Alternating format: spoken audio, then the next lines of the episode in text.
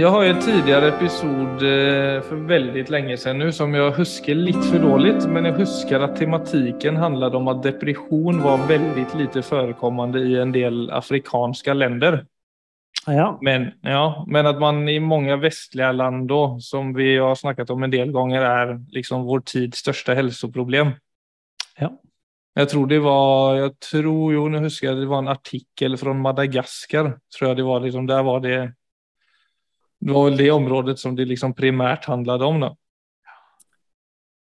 Og i idag har jeg en liknande, spaning kanske som er veldig intressant For det er også snakk om afrikanske länder. Og det som er saken är att när man, alltså jag har ju precis fått barn som vi snackade om i förra episoden og da har man ofte en uke efter at man har fått barnet så har man barnmorska på besøk hemma ja. I hemmet. Och så snackade vi lite om hur, alltså det är som standardiserat lite hur det går och om man behöver hjälp med någonting. Och så kom vi in på det där med om barnet liksom verkar förnöjd eller om, om, om han gråter mycket. Och då sa hon det att i Afrika så är det tydligen i många delar av Afrika då, icke ett fenomen eh, med kolikk. Altså det er på en måte ingenting som man snakker om eller som er forekommende. Mm. Og hennes teori var da at der er det på en måte veldig veldig vanlig at mødrene går med barnet in til brystet. Altså, det, det er ikke så mye som egentlig står i vägen mellom mellan mor och mm. rett og slett. Mm. Og det var bare et sånn sykt spennende liksom egentlig en fenomen som bare fikk meg Jeg merket etter at hun gikk, så började jag bare tenke masse rundt det. Ja, det forstår jeg godt. Det, det ville, tror jeg ville slått meg ganske hardt på. Ja, for det, det, altså det det på en måte ledde til, var det der med at ok, her snakker vi om kolikk, her er det jo på en måte et fenomen. Og så begynte jeg bare å tenke hvordan man, hur är det vi liksom arrangerar egentligen det att ha barn. Och så började jag bara tänka på alla ting. Det var det första som slog mig. Alltså sånn som flasker flaskor och nappar och vagnar och bjällror och när barnen blir lite äldre så är det skärmar och pads och listan bara ja, mye ting. en, Ja, det är ju lite sånn endeløst, ikke sant? Och precis, om man ska bara dra en parallell också till det med depression som på en måte också är det där liksom intressanta aspektet med vissa delar av Afrika så gav det en sån stark känsla av alltså avstånd. Mm. Att alla grejer, alla råd och tips, att det är så mycket ting och tankeverksamhet i vägen för liksom många moderna föräldrar, att man nästan glömmer av det viktigaste i starten mm. som, som kanske är närvaro och närhet mer. Ja, det höres rimelig ut. Og det var også en sånn, du vet når du får, Når man er på sjukhuset og vi fikk jo Leo midt i natten. og egentlig bare sånn en timme efter fødselen og man har sittet med barnet en stund så kommer det inn en, en, en slags som vi kaller plastbalje på et litt sånn rangligt stativ med, med, på hjul. Och där, där ska då bebisen ligga för det är praktiskt tillrättaläggande för att liksom komma sig vidare till ett hotellrum som är i en annan avdelning lite längre bort. Men där var det också en sån. Alltså, och det här är på en måte bara helt, helt på en måte okland, alltså det är bara med tankar, det är ingenting som jag liksom varken dömer det ena eller det andra. Men det var bara en sån, återigen var det en sån födelse där också om att här ska föräldrarna börja jobba och du ska sova i egen säng. Mm. Alltså det var en sån, efter att hon barnmorskan var där och jag liksom också tänkte på den parallellen med liksom depression så bara kom jag in på det där med att det är så det där individfokuset då och så som i många andra delar av världen där det är ett mer som kollektivt fokus så føler jag att det är, det är nästan omöjligt att missa idag att moderna samhällen är så skickliga på att skapa avstånd. Alltså man är mm. inte en del av något större. Alltså det är den ena delen. Man ska liksom komma fram själv, man ska göra sig hörd själv. Jag tror, jag tror i det så bygger människor upp ganska mycket skydd då, som till Ja, slut genererar en sån känsla av, av ja, avstånd till sig själv och andra. Att man står lite sån ensam mot världen och upplever att, att ögonen är riktade mot dig. Och att det, jag tror den måten å være på kan være litt sånn fientlig og dømmende eller at kan, verden kan kjennes litt sånn fiendtlig og dømmende etter hvert. da. Ja, det, det tror jeg uten tvil. At det er god grobunn for uh, altså fremmedfølelser og, og selvfølgelig også meningsløse depresjon i, på det grunnlaget. Men jeg må bare si altså det bildet av den, eh, altså denne lille nyfødte babyen i en plastbalje, altså det er jo altså jeg har jo ikke sett det engang, jeg har jo bare sett det gjennom deg, men jeg får jo et bilde på netthinnen når du snakker om det. Og det er jo. Jeg skjønner på en måte nesten sjokket. Det er noe grunnleggende bare totalt feil med det. Selv om det sikkert rent sånn Det er sterilt, og det er sikkert mange gode grunner til at det gjør det, men altså den rent menneskelige dimensjonen i det er veldig, veldig rar. Det er eh, Ja, det er super eh? Og det er veldig interessant å altså Vi aner jo ikke hvorfor ikke det er depresjon eller kolikk i Afrika, det, for det er ikke det dette handler om. Men den, det er veldig gode, god stimuli for refleksjon. Jeg skal Mm. si, for det er, som, som rene faktum så er det interessant. Jeg tenker på, Det er flere ting egentlig som jeg assosierer rundt når du har sagt det du sier, men, men for å ta liksom en helt en, eh, en veldig skrå sving til venstre eller høyre, men som henger sammen med dette. Ja. Vet du hva Altså hvis amerikanske indianere Jeg vet ikke om dette gjaldt alle, men det var i hvert fall veldig mange som, som hadde dette i sin ja, bare i, sitt, i sin kultur og i sitt menneskesyn. Hvis de ble spurt 'Hvem er du?' Vet du hva som vil være et naturlig svar? Nei. De ville sagt uh, 'Jeg er disse fjellene. Jeg er dette landet. Jeg er vinden. Jeg er skyene'. Så Mm. de vil, når de blir spurt om 'hvem er du', så vil de umiddelbart peke på alt rundt seg, altså alle elementene Mm. som de var en del av. Mm. Og det var ikke fordi de prøvde å være smarte, det var sånn de faktisk opplevde identiteten sin. Ja, det er sikkert veldig konkret for deres del. Ja, ja, absolutt. Veldig naturlig, veldig konkret og egentlig helt nedpå. Men allikevel så ufattelig Altså, vi vil jo tenke på det enten som eh, Altså totalt helt ute, eller eventuelt veldig, veldig dypt. Ja. Men vi ville ikke tenkt på at det var et helt naturlig svar på det spørsmålet. Det tror jeg ikke. Nei.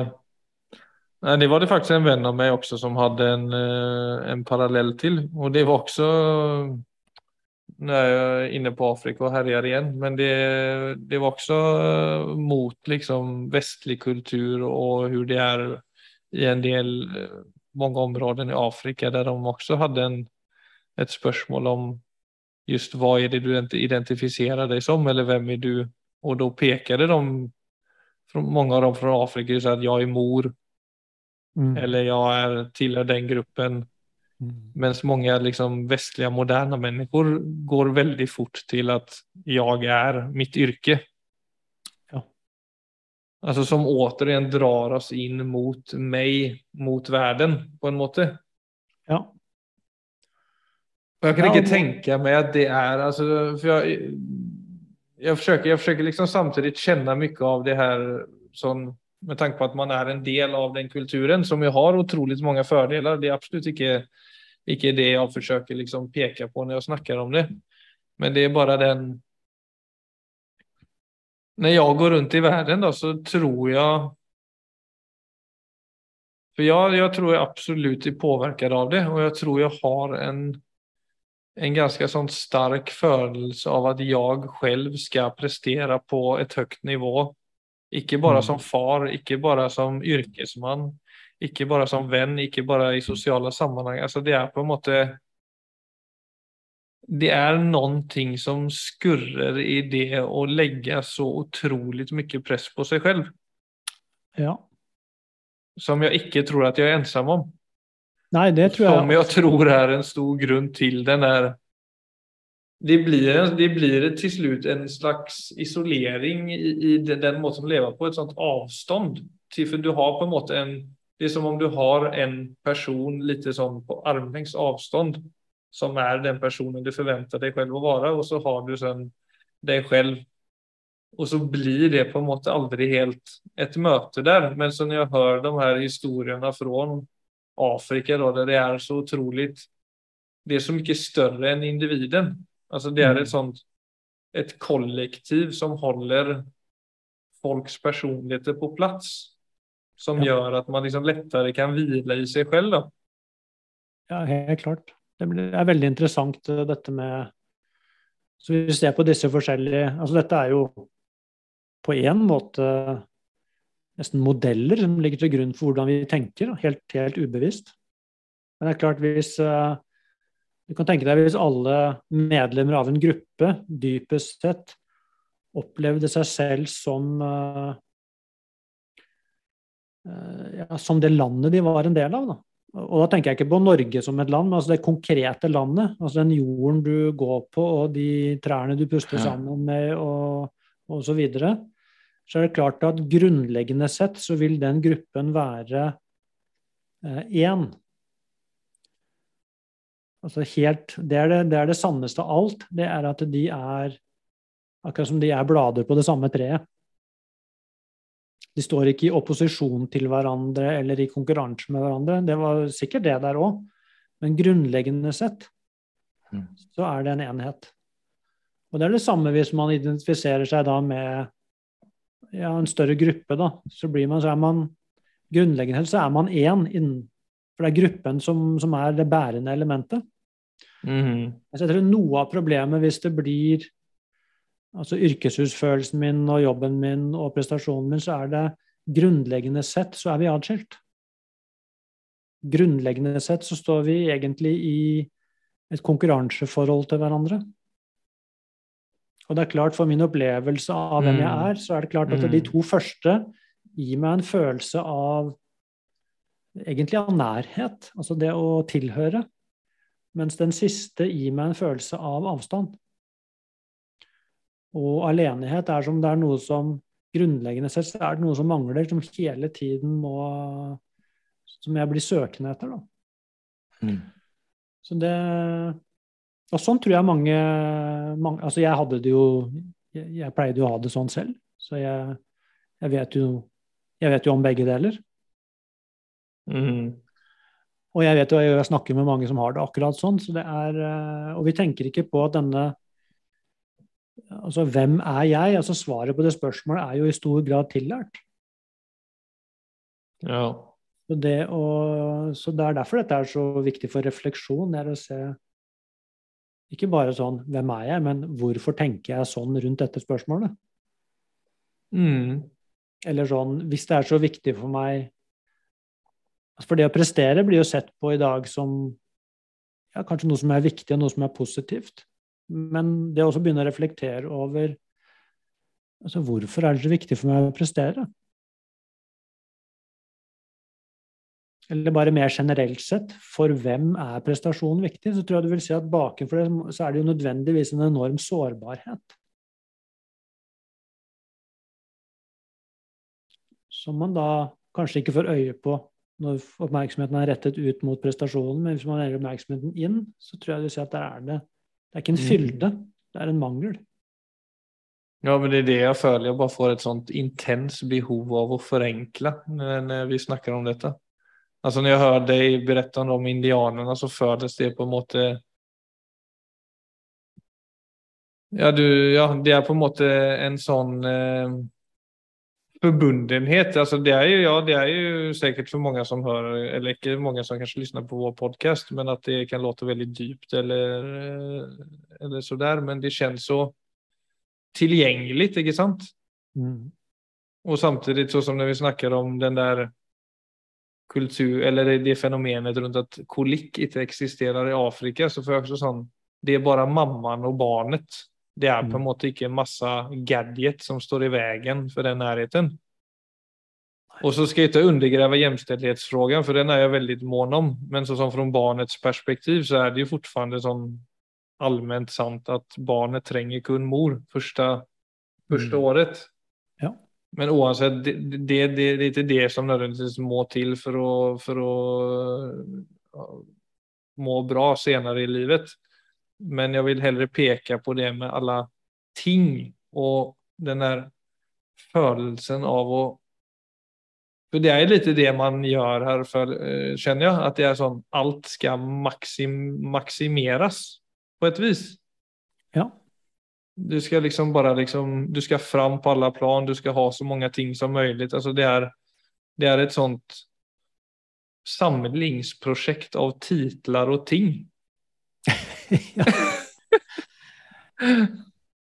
ja. Og, det, og da går vi på en måte bort av det enkle som er det å liksom Jeg husker når jeg bodde i Antwerpen en periode, faktisk. Jeg jobbet på et lager der, og der var det veldig enkelt folk. Altså sånn utrolig enkelt. Alle var veldig sånn, hadde enkle syner på tilværelsen og sånt. Men der var det bare en som bare sa sånn Og det, det vet jeg ikke hvorfor det treffet meg, men han bare sa så Life is simple. Mm.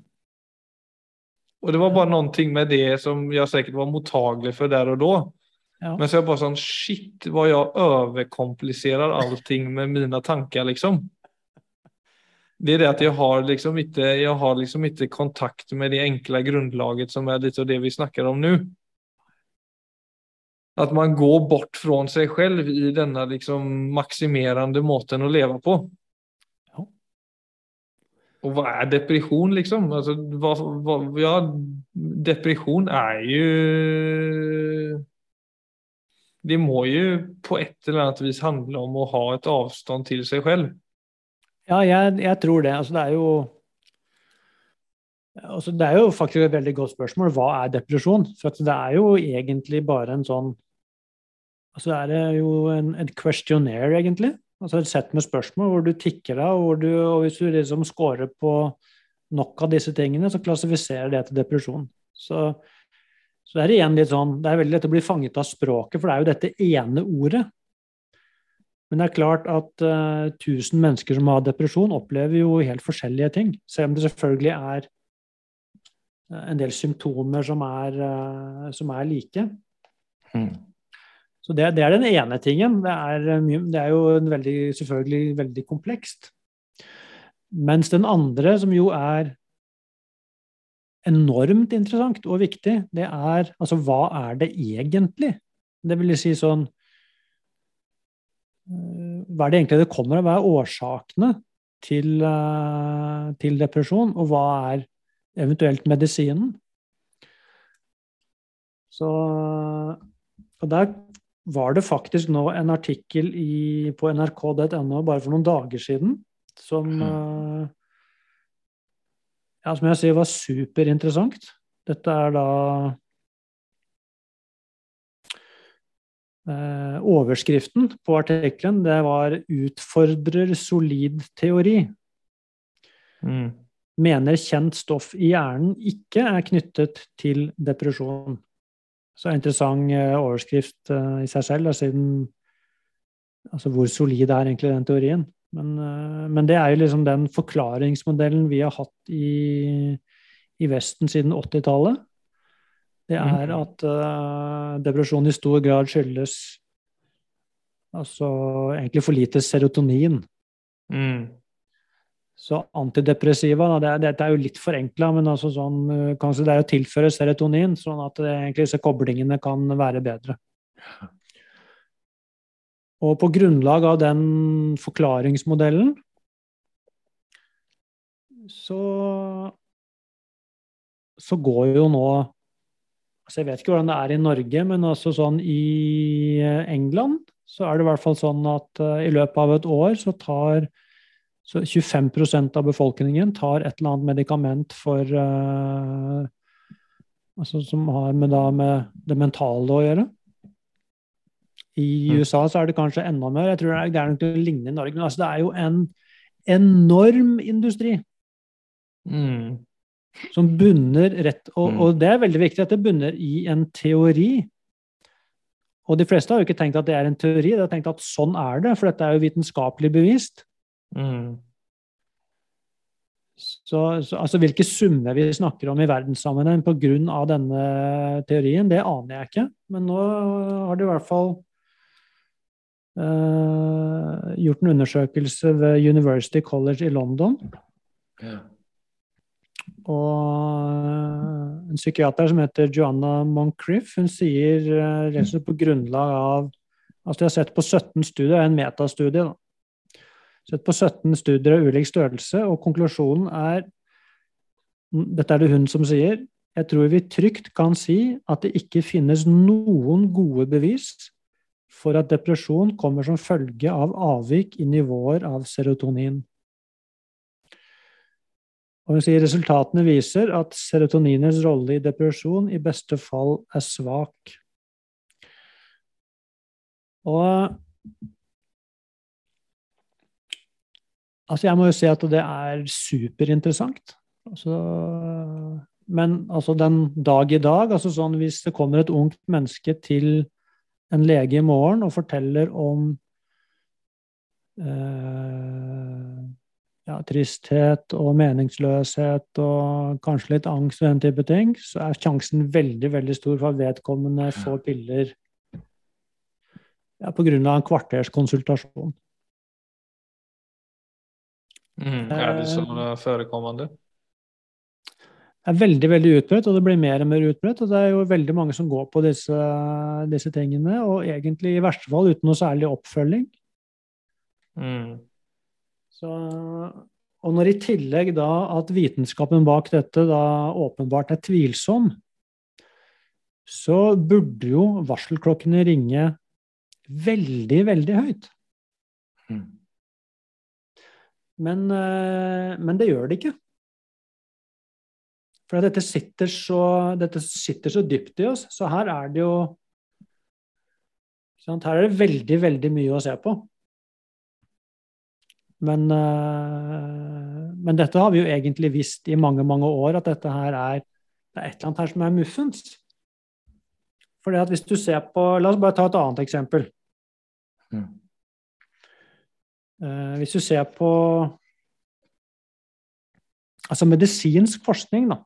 Hvis du ser på Mm. sykdom egentlig de siste ja, 50-100 år. Hvis vi tar ett eksempel. Altså hvis uh, på 70-tallet Mm. Hvis et uh, Hvis et barn da fikk leukemi, altså blodkreft, Mm. så ville altså den statistiske sannsynligheten for å overleve ville være 20 Mm. Eh, Mens i dag, hvis et barn får eh, leukemi, så er den statistiske sannsynligheten for overlevelse 80 Mm. Det er bra. det er? Og der kan du ta, du kan ta altså Hvis du går på fysisk sykdom, så kan du ta Dette var jo bare ett eksempel, men, men det er jo hundrevis av eksempler som viser det samme. Mm. At uh, det har blitt enormt mye bedre. Ja. Så det viser jo også at denne, denne modellen funker jo. I hvert fall på den type sykdommer. Ja, det var litt det vi innledet med føler jeg. At det er, jo det er som, altså just det der med når man snakker om, om eh, ja det er så som alltid tilrettelagt på et sjukhus då för. Så jeg følger det den modellen som handler om fysiske sykdommer. Ja. Og vi behandler jo depresjon i dag som om det var en fysisk sykdom. Mm. For eh, du vet altså i litt tidligere tider, og det er jo fortsatt noen i dag selvfølgelig som har den modellen, men, men det er ikke det som er den rådende modellen. Altså Hvis et ungt menneske kommer med opplevelse av tristhet og meningsløshet og at livet ikke henger sammen, så ville du jo sett på det som altså Alle de følelsene ville jo bli sett på som viktige signaler å bli kjent med. Mm. Og man ville også tenkt på er det noe viktig her som disse følelsene prøver å fortelle meg? F.eks. det hvis jeg opplever at jeg har ikke noen forbindelse til resten av verden, så dukker jo det opp som en veldig vond følelse nettopp for det her er noe, viktig, her er noe veldig viktig jeg må se på. Det er noe veldig viktig jeg må finne ut av her. Mm. Eh, som handler om hvordan jeg ser meg selv og min rolle i verden. Og kanskje mindre om eh, hvilke nivåer jeg har av serotonin i hjernen. I hvert fall så another Jeg skal ikke si at det er en fun fact, for det er absolutt ikke. Men uh, jeg driver akkurat nå og leser en bok om dette her, så dette er jo fra England, så dette eksempelet mm. kommer derfra. Men det gjør ikke noe, for det er veldig likt i hele den vestlige verden. Mm. Ja, det er sykt. Uh... Ikke sant? Så, så der står det f.eks. Dette er jo bare fakta.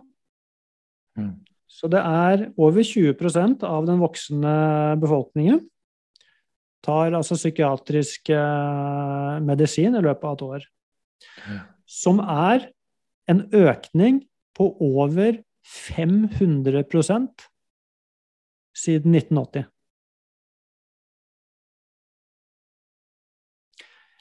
Mm. Men til tross for det Mm. så har nivået av psykiske lidelser den har, fort, den har bare gått oppover. Og fortsetter å gå oppover. Mm. Hvis vi bare ser på, så er det jo åpenbart, hvis du ser på all annen sykdom, så går statistikken går jo helt motsatt. Ja. Så bare der så burde du tenke her er det jo åpenbart noe feil med er modellen. Det blir verre og verre. Altså, jo mer vi pøser på med de greiene her, jo verre blir det. Ja, det kan man ju. Vi skulle ju inte fastslå någonting. Vi skulle ju tänka luftigt och fritt den episoden. Men alltså just det där, det är kanske greit att bara säga sånn er det. Ja, det er, det er jo absolutt vi kan, ikke, altså, vi kan ikke si hva som er hva, men vi kan si det er åpenbart noe her som er veldig mangelfullt. Ja. Og så kan vi jo da tillate oss å reflektere rundt dette på egen hånd. Det kan vi gjøre. Uten å påstå at det er eh, hard facts. Men, eh, men jeg, for meg så er det jo åpenbart noe galt med modellen. Altså den modellen for uh, Den menneskelige modellen. Ja. Det er noe galt med den psykologiske modellen vår. Den strekker ikke til, rett og slett, for å Den gir oss ikke verktøy til å håndtere den situasjonen vi er i. Det, det funker rett og slett ikke. Det er ikke det som er løsningen på såkalt psykologisk ubalanse. Det er helt andre ting. Ja, nei, vi har jo belyst noen av dem, syns jeg. Jeg syns vi gjorde det igjen, ja. Ja da, det er jo tross alt det denne poden handler om. Det er eh, Så Men jeg tenker den For meg så er det noe med dette her med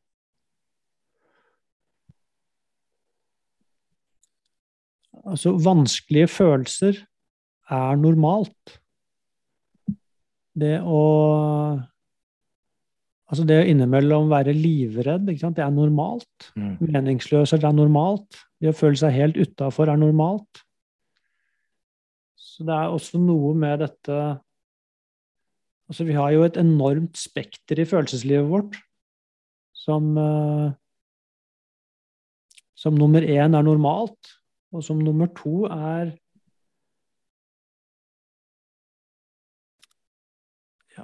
har, jeg vært, har jeg noe verktøy for å bli kjent med det? For å, for å kunne være i det? For å prøve å forstå hva dette forteller meg? Til å egentlig, altså, til å guide meg videre inn i da, tross alt denne livsreisen med alle de altså stadiene som en livsreise er. Altså, Mm. Alle disse overgangene, altså overgangen fra barn til ungdom, fra ungdom til voksen. Er Alle disse overgangsfasene er jo kjempevanskelige. Fulle av Når du står der på en terskel inn i noe nytt, så, er det, så står du jo egentlig Du kikker jo inn i et endeløst mørkt rom, på en måte, hvor alt er ukjent. Ja. Og, og det er klart, altså, i de fasene så friker vi jo ut. Skal jeg da gå og få noe for å døyve det, eller skal jeg, eller skal jeg bruke de følelsene til å reorientere meg? Det er jo sånne, for alt dette handler egentlig om psykologiske modeller. Så hvis vi sykeliggjør egentlig alle disse egentlig normale følelsene, så er det ikke rart at vi får en stor populasjon med såkalt psykisk syke mennesker. For at det er Det står ingen, ingen der igjen til å kunne, kunne møte det. Og åpenbart så disse medisinene de gjør deg ikke frisk, for da hadde ingen hatt depresjon. De kanskje hjelper litt, for at det virker som de gjør. De døyver, de døyver jo litt. Men det verste, det verste med det er jo at en del også opplever større distanse, fordi at du, du døyver, så du får ikke helt tilgang på deg selv. Mm. Så da, ja, så da har man jo satt seg i egentlig et veldig veldig vanskelig sted, må jeg si. altså I min, eh, i hvert fall min egen forståelse av det å være menneske. Så er det noe med å få verktøy til å kunne faktisk føle det du føler. Men det ja, så er det jo også Ja. Nei, det er så fort gjort, tror jeg, altså, om, man liksom också utifrån det vi har snakket i denne episoden, at det er så fort gjort å bli litt sånn streng med seg selv når man har det vanskelig psykisk. Ja. At man ofte liksom peker finger mot seg selv, at det på en måte er, alt er ens egne fel. Helt klart. Og det tror jeg er litt sånn viktig att ja, vi lever i et velferdssamfunn, men det er det en ting som det samfunnet ikke tar helt hänsyn til, som vi på en måte ser med denne statistikken, så er det at det ikke helt tar hänsyn til det vad som får oss å må bra Å kjenne på inkludering og ha en plass til å høre til, Det er på en måte ikke det, det ikke det dette samfunnet er så expert på, om jeg skal si det sånn. Nej. Så jeg tenker sånn for min egna del i alle fall, så er det noe med å erkjenne det, og ikke bare faktisk ikke bare akseptere just de omstendighetene. Ja. Og, og, ta det litt sånn også for å kunne lette litt på det trykket overfor en selv, for at man blir, for at man fort havner i den sirkelen og blir så hård med seg selv ofte. Ja, det er kjempeviktig. Det er ikke noe Bare dette med at ikke det er noe at ikke det er noe feil med deg, selv om man har disse uh, følelsene. Det er utrolig viktig. Og, og noe med at det er helt Altså, det er uunngåelig. Det er helt uh, Det betyr bare at du lever, at du er et menneske. Men også dette med Det er veldig jeg tror jeg er viktig refleksjon, og kanskje vi skal runde av med den. Den kan få lov til å henge litt. Altså dette med For det kan, tror jeg kan være nyttig å reflektere. Og også dette med Har jeg egentlig lært noen gang? Altså, det, snakker vi noen gang om hva er det som gjør at vi har det bra sammen? Snakket, snakket vi om det på skolen noen gang? Mm. Var det et fag? At det er en know-how, det også. Det er, uh, det er ikke det som står øverst som regel. Er, vi er jævla gode på produksjon. Det er vi bra på. Mm.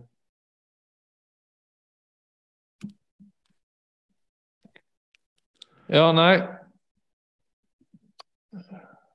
En klok mann sa ha en intensjon med eh, Nei, det skal jeg ikke ta med, Viggo. en dum mann sa en, en klok mann stoppade seg selv når han skulle si noe smart. Ja, da, runder vi av med den i dag, Filip. Der, der kunne jeg briljert, men så du vet, så er det sånn Nå her skal jeg jo ikke fokusere på meg selv her. Nå må jeg jo lære litt av det vi har snakket om her. At min eksistens trenger ikke å være så betydningsfull. Nei, da kan vi andre gå og lure på hva du egentlig hadde tenkt å si. Ja, det, jeg tror det hadde blitt litt vel flummete, så jeg, jeg stoppa meg. Ja, det er fint, Filip. Takk for i dag. Takk for i dag.